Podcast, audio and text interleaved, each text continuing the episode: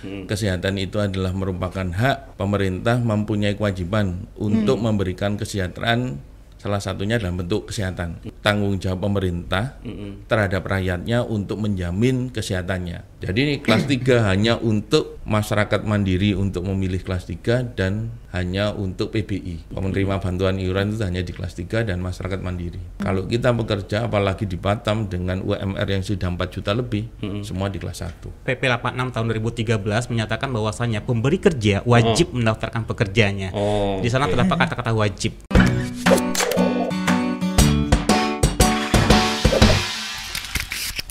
Selamat sore Tribuners. Selamat Sore, Tribuners. datang Ya. lagi di Tribun Batam Podcast. Oke, di sini sudah ada Pak Dodi Pamungkas. Ya. Iya, beliau adalah Kepala BPJS Kesehatan Cabang Batam. Ya. Selamat datang Pak. Selamat datang Pak Dodi. Selamat datang. Wah. Terima kasih Mbak Nita, Mas Danang, terima kasih. Iya. Ya, siap. Ada- Ditemenin Sama Pak Hendra, Mai Hendra gitu ya, Pak Mai Hendra. Iya. Selaku Kepala Bidang Pengawasan dan Pemeriksaan Peserta. Peserta. Iya. Nah, Oke. selamat datang juga Pak Hendra. Iya. Pak Dodi, Pak Hendra mungkin nggak apa-apa diturunin Buka, aja, iya, buka aja. Kita kita yang tetap menjalankan protokol, kita tetap berjarak ya nih ya. Iya, tetap berjarak. Satu meter. Kelihatannya sih mungkin teman-teman lihat Tribuners kelihatan dekat tapi kita udah satu Iya, meter kita setengah udah ya. satu meter lebih nih. Nah. Biar tahu nih kepala uh, cabangnya Batam, BPJS Batam, ah, Pak Dodi. Nah ini nih. Iya, nah, ini Nanti kalau mau urusan negosiasi relaksasi ya cari Pak Ah, Dodi nih. cari Ah, Pak Dodi. Siap, siap. Atau Pak Hendra. Hmm. Kalau Pak Dodi sendiri emang udah lama menjabat di yang di Batam, pegang di Batam udah berapa lama Pak? Kalau di Batam ka- terus terang baru kita bergabung itu akhir Februari Mbak. Akhir Februari. Februari, tapi masa kerja saya sudah lebih dari 20 tahun. Jangan ditanya kalau isu senior. Jadi kita nggak salah nanti kalau ngomong BPJS udah katam. Udah nih. katam. Ya, maksudnya udah katam nih. Di luar kepala ya Pak ya. Nah teman-teman ya kalau teman-teman Tribuners mau tanya, Iya. ya punya tunggakan atau punya masalah atau punya apa ada hal yang Ingin informasi ditanyakan, yang ditanyakan, nah. tanyain aja di kolom komen, ya. Ya betul. Kita buka pertanyaan nanti di sesi agak-agak terakhir Mm-mm, tuh. ah, ah. Nanti biar eh, Pak Dodi. Pak Hendra menjawab ya. Mm-mm, mm-mm. Nah ini saatnya nih. Hmm, betul, betul, betul. Pak, Pak, Pak Dodi sendiri asalnya dari Batam bukan ya Pak? Bukan. Jadi kalau kepala BPJS itu muter Mbak, Mbak se-Indonesia. Hmm. Dan kebetulan saya kalau basementnya di Surabaya. Hmm. Oh, Surabaya dan di sini bujang lokal. Bujang lokal. Bulog, bulog, Bulog ya. Iya, sama Pak. Kita teman-teman ini bujang lokal semua nih. Nih, Kita dari Jogja juga, kita dari Semarang ada. Iya. Kita semua pendatang Pak. Sama. Pak Hendra juga ya? Iya, saya dari Sumatera Barat, Kota Oh. Padang. Itu Wong kita Oh iya iya. iya. Mau kita galuh Palembang. Palembang salah kita. Lupa Iya, iya. Oke, di sini kita bakal ngomongin sedikit tentang BPJS kesehatan, Pak. Mm-mm, mm-mm. Hmm, karena kan ini semua orang hampir ya banyak ya Pak ya. Ya. Semua orang punya BPJS kesehatan lah maksudnya. Nah, mungkin kita ingin masuk dulu nih, Pak BPJS kesehatan ini sebenarnya lembaga apa sih? Ya. Atau program apa sih? ini Ya, ini karena apa sih? karena kalau ngomong BPJS ada dua BPJS Iya. kesehatan dan BPJS, BPJS ketenagakerjaan. Ya, nah, Nah. mungkin kita nanti nanya juga ya apa bedanya. Mungkin BPJS kesehatan dulu. Betul. Mungkin ada banyak teman-teman Tribuners, anak teman-teman ad- adik-adik SMA juga nonton nih kan. Oh, benar. Dia mungkin baru ini baru dengar BPJS kesehatan. Nah, sekarang saatnya kita Iya. untuk bertanya nih, untuk menjelaskan ke mereka nih, Pak. Ya. Apa Pak Dodi? Eh, baik Mbak Nita, Mas Danang, Eh, selamat sore Tribuners. Eh, jadi sebetulnya eh, BPJS Kesehatan ini adalah bentuk transformasi dari PTAS sebelumnya. Jadi eh, kami dengan dibentuknya Undang-Undang Nomor 40 Tahun 2004, di mana dibentuk sistem jaminan sosial nasional, di situ ada lima program yang dikelola. Lima program itu yang pertama adalah jaminan hari tua, jaminan pensiun, jaminan kecelakaan kerja, jaminan hari tua, dan yang terakhir kesehatan. Ah, betul. Nah, di mana yang empat eh, jaminan tadi itu domainnya dengan BPJS ketenagakerjaan. Oh, Nah, itu jadi bentukannya seperti itu. Yang BPJS kesehatan ini adalah dikelola oleh BPJS Kesehatan yang dulunya adalah PT Askes. PT Oh, Askes PT ya. Askes. Nah, PT Iya, Askes iya, iya. bertransformasi menjadi BPJS Kesehatan dan kami beroperasi mulai 1 Januari 2014. Hmm. Seperti itu. Lupa kalau istilah apa sistem jaminan sosial nasional itu apa hubungannya dengan BPJS? Jadi Apa itu Pak? eh, seperti tadi sampaikan Mbak Nita bahwa Hmm. kesehatan itu adalah merupakan hak salah satunya bentuknya kesejahteraan dan diimplementasikan oleh pemerintah sebagai sistem jaminan sosial nasional di mana pemerintah mempunyai kewajiban untuk memberikan kesejahteraan salah satunya dalam bentuk kesehatan. Nah, itu dijamin dengan adanya Undang-Undang Nomor 40 tadi tahun 2004, kemudian peraturan terkait pem- dibentuknya BPJS Kesehatan itu Nomor 24 tahun 2011 dan aturan-aturan selanjutnya. Jadi perubahan setiap eh, sangat cepat regulasi yang terjadi di BPJS Kesehatan. Jadi ini adalah bentuk tanggung jawab pemerintah terhadap rakyatnya untuk menjamin kesehatannya. Kesehatan ini salah satu bentuk kesejahteraan yang harus diberikan pemerintah kepada rakyatnya, Rakyatnya. seperti itu. Iya iya iya. Gitu.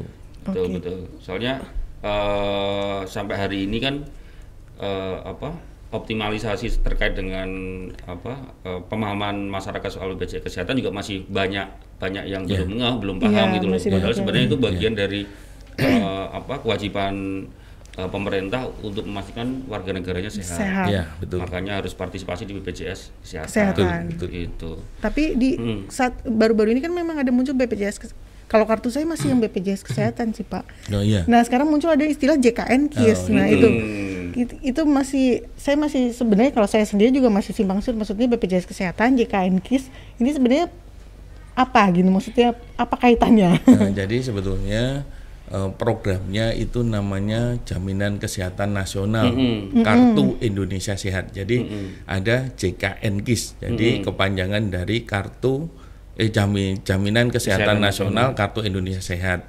Di mana penyelenggara yang ditunjuk adalah BPJS Kesehatan.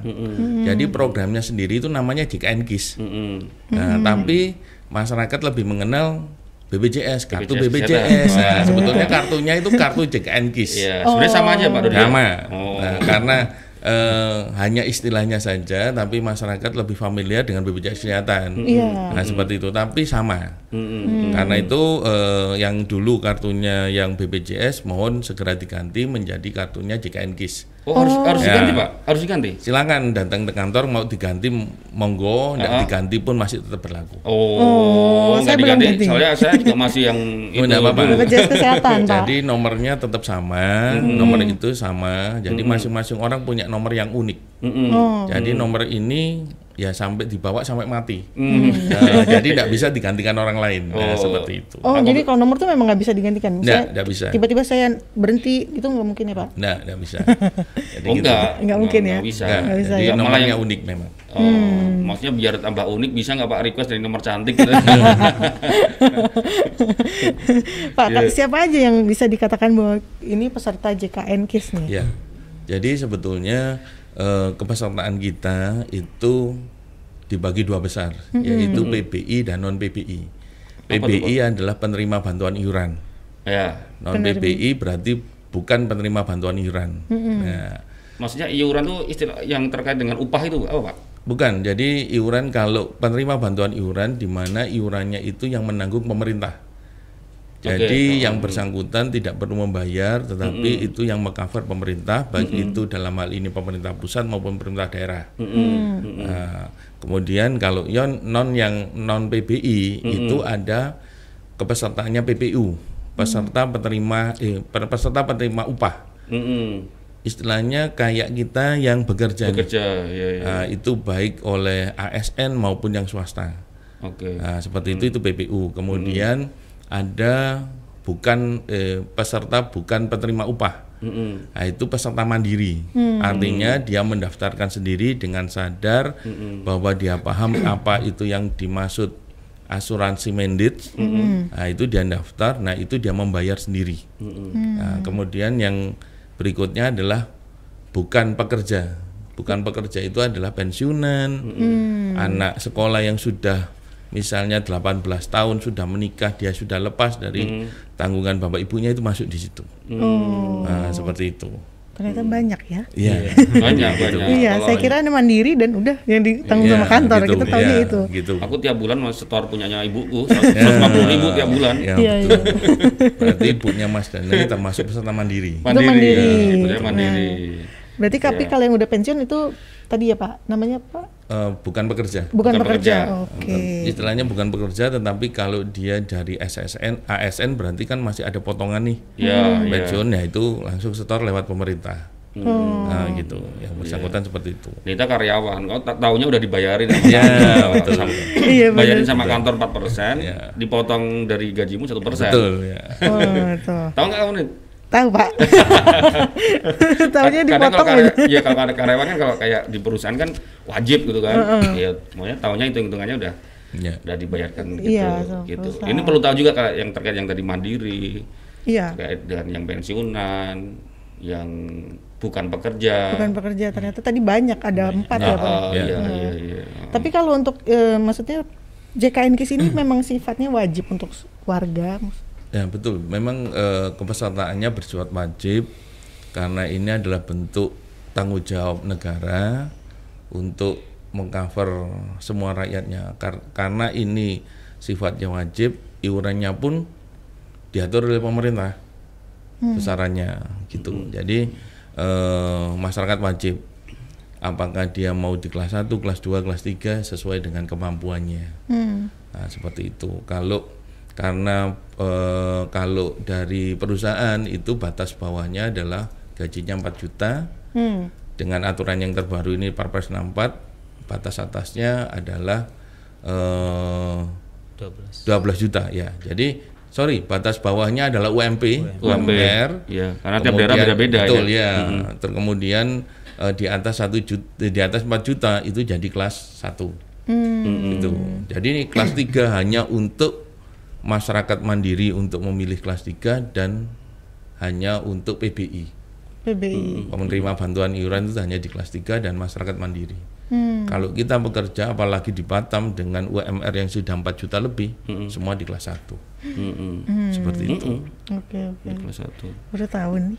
Hah? Kirain emang karena saya dari yang mandiri dulu kelas 1 terus masuk perusahaan jadi kelas 1 Enggak, juga enggak ya? enggak. Iya. Oh, jadi untuk di Batam sendiri semua sudah kelas 1 Ya, ya? Pak? karena UMR-nya cukup tinggi, di. Batam, sudah 4 juta lebih. Hmm. Tapi kalau tadi soal eh oke, mereka kelas 1, Pak. Bisa nggak sih mereka turun kelas gitu bisa nggak sih? Meskipun tadi kalau ngomong apa tolak ukurnya adalah UMK dan di Batam udah tinggi terus dia turun ke kelas 2 gitu, inisiatif mandiri untuk menurunkan itu Ya. boleh nggak? Jadi yang boleh turun kelas itu adalah untuk peserta mandiri. Oh. Selain itu tidak boleh. Ya. Oke. Karena yang bersangkutan kan sudah dibayar dibayarkan oleh perusahaannya atau dibayarkan oleh negara bahwa kalau dibayarkan oleh negara itu pasti kelas 3 kalau dibayarkan oleh eh, perusahaan karena UMR-nya Batam sudah 4 juta lebih berarti yang bersangkutan di kelas 1 Nah, tidak boleh diturunkan jadi kelas 3 Ya. tidak boleh seperti itu ya, Pekerja. jadi itu buat yang Ya. pekerja karyawan ya, jadi jangan minta turun karena itu ya. aturannya. Ya. Karena itu aturannya. Kecuali mandiri ya. Ya, Iya, iya, silakan. iya. Ini nih nih. Mas, Kayak- kan- karena masih ada yang seperti itu Pak. Jadi, Wah, Iya. saya turun aja gitu kan. Iya. Jangan benar. banyak kayak gitu. Yang karyawan ya. Iya, iya. Gitu. Apalagi Ini kemarin dengar-dengar ada penyesuaian itu kan yang naik gitu kan. iya, itu. Terus itu. Mm-mm. Kalau anggota keluarga yang ditanggung nih misalnya eh, siapa aja maksudnya Pak? Ya, jadi sebetulnya untuk program JKN KIS ini mengcover 5 jiwa. Lima jiwa. Ya, mengcover 5 jiwa artinya kalau 5 jiwa itu berarti pesertanya sendiri, istrinya, Mm-mm. ya, istri sah nih. Ada yang nggak sah ya? Istri sirik nggak boleh Pak. Ya, nggak boleh. Ya tergantung nanti yang masuk yang masuk tanggungan yang mana. Oh, istri pertama, kedua, ketiga atau ke mana ya. Kemudian dengan tiga anak. Nah, seperti itu. Jadi eh, dengan premi seperti tadi, di mana kalau pekerja swasta atau dari ASN itu perbandingannya 4% ditanggung oleh pemberi kerja, satu persen oleh pekerja, itu untuk lima jiwa Hmm. seperti itu. untuk lima jiwa. Nah kalau misalnya ada anak keempat, nah misalnya anak keempat, anak kelima, bonus kan ini, nah ini berarti mereka harus mendaftarkan sebagai mandiri, seperti itu. Iya, iya, iya. Ya. Ini ya, apa? Hanya cukup tiga anak. Iya. Nanti kalau kita ngeranggung banyak-banyak, BKKBN ribut. Ini malah nggak mendukung gitu ya, Pak. Iya, mendukung program pemerintah nanti. Iya. Pak, Nah, nih, saya nanya ke Pak Hendra nih. Iya. Pak Hendra, Pak Hendra ini kan kepala bidang pengawasan dan pemeriksaan peserta. Iya. Itu tugasnya ngapain, Pak? Iya, uh, kalau terkait dengan bidangnya yang saya pegang sekarang ini, yang, uh, apa sebagai kepala bidang perluasan, Kepala bidang perluasan, perlu- pengawasan dan pemeriksaan peserta. Oh. Nah, di sana lebih lebih berkaitan dengan badan usaha, pemberi kerja seperti itu. Jadi yang mandiri bukan di bawah Pak Hendra. eh, eh, Peserta yang mandiri tadi. Jadi kita lebih lebih apa lebih pasnya itu di eh, badan usaha pak. Jadi kalau Oh. kita itu untuk di Kota Batam eh, jumlah badan usaha yang ada di Kota Batam yang Hmm. sudah mendaftar ke kita itu itu adalah lebih kurang 5.590 badan usaha seperti Oh, itu. itu banyak atau sedikit? Dengan total pesertanya itu atau jiwanya itu adalah sebanyak 551.000 jiwa. 500 lima lima ratus lima puluh satu lima ratus lima puluh empat ribu sembilan ratus enam puluh delapan jiwa totalnya untuk di Batam seperti Oh. di Batam, itu. ya. Nah kita pun eh, lebih memastikan kepada badan usaha itu atau pemberi kerja dia itu wajib untuk mendaftarkan pekerjanya. Seperti itu. Jadi kita pun lebih eh, lebih giatnya untuk memastikan badan usaha itu dia sudah me- menyampaikan atau sudah eh, sudah Mendaftarkan. mendaftarkan pekerjaannya untuk ikut program JKN KIS seperti itu. Dan dan itu pun memang harus dipastikan uh, seluruh pekerja yang terdaftar di perusahaan tersebut sudah harus terdaftar. Karena di sana itu merupakan kewajiban dari pemberi kerja untuk mendaftarkannya. Seperti Iya, Pak Hendra kan pengawas nih kan, ya kan, maksudnya Iya. dari jumlah itu di Batam udah perusahaan-perusahaan sudah ini belum? Sudah apa ya istilahnya? Udah semuanya mendaftarkan atau Iya. masih ada yang perusahaan-perusahaan belum Ya memang mendaftarkan?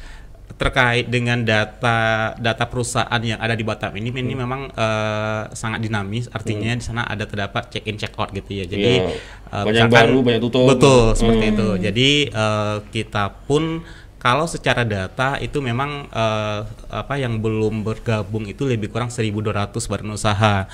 Yang belum bergabung? Betul. Ada Ta- datanya itu ya, ada seribuan itu ya? cuman eh, kendalanya adalah dari 1200 itu ketika kita sisir lagi kita kita filter lagi ternyata banyak eh, pesa- eh, badan usaha tersebut mereka sudah terdaftar sebagai peserta mandiri seperti Oh, itu jadi mereka oke. memang eh, sudah memegang sudah memiliki eh, sudah memiliki kartu atau eh, pada segmen lain eh, itu pada segmen eh, sebagai peserta mandirinya Mandiri. dan seharusnya se- seharusnya badan usaha tersebut dia sudah harus terdaftar sebagai badan usaha segmen PPU pekerja Oh. penerima upah tersebut gitu. Maksudnya kalau ada perusahaan yang di situ karyawannya apa terdaftar BPJS Iya. yang mandiri Iya. itu harus diubah ke Betul, harus ya, harusnya segmennya, itu harus eh, iya eh, karena itu dari wajib, itu wajib. dan itu wajib dan itu ada PP 86 tahun 2013 menyatakan bahwasannya pemberi kerja wajib mendaftarkan pekerjanya. Oh, Di sana oke. terdapat kata-kata wajib gitu. Oh, Ya, tidak oke. sunnah gitu. Nah kalau misalnya ditemukan ada satu perusahaan yang tidak belum mendaftarkan itu diapain? Iya,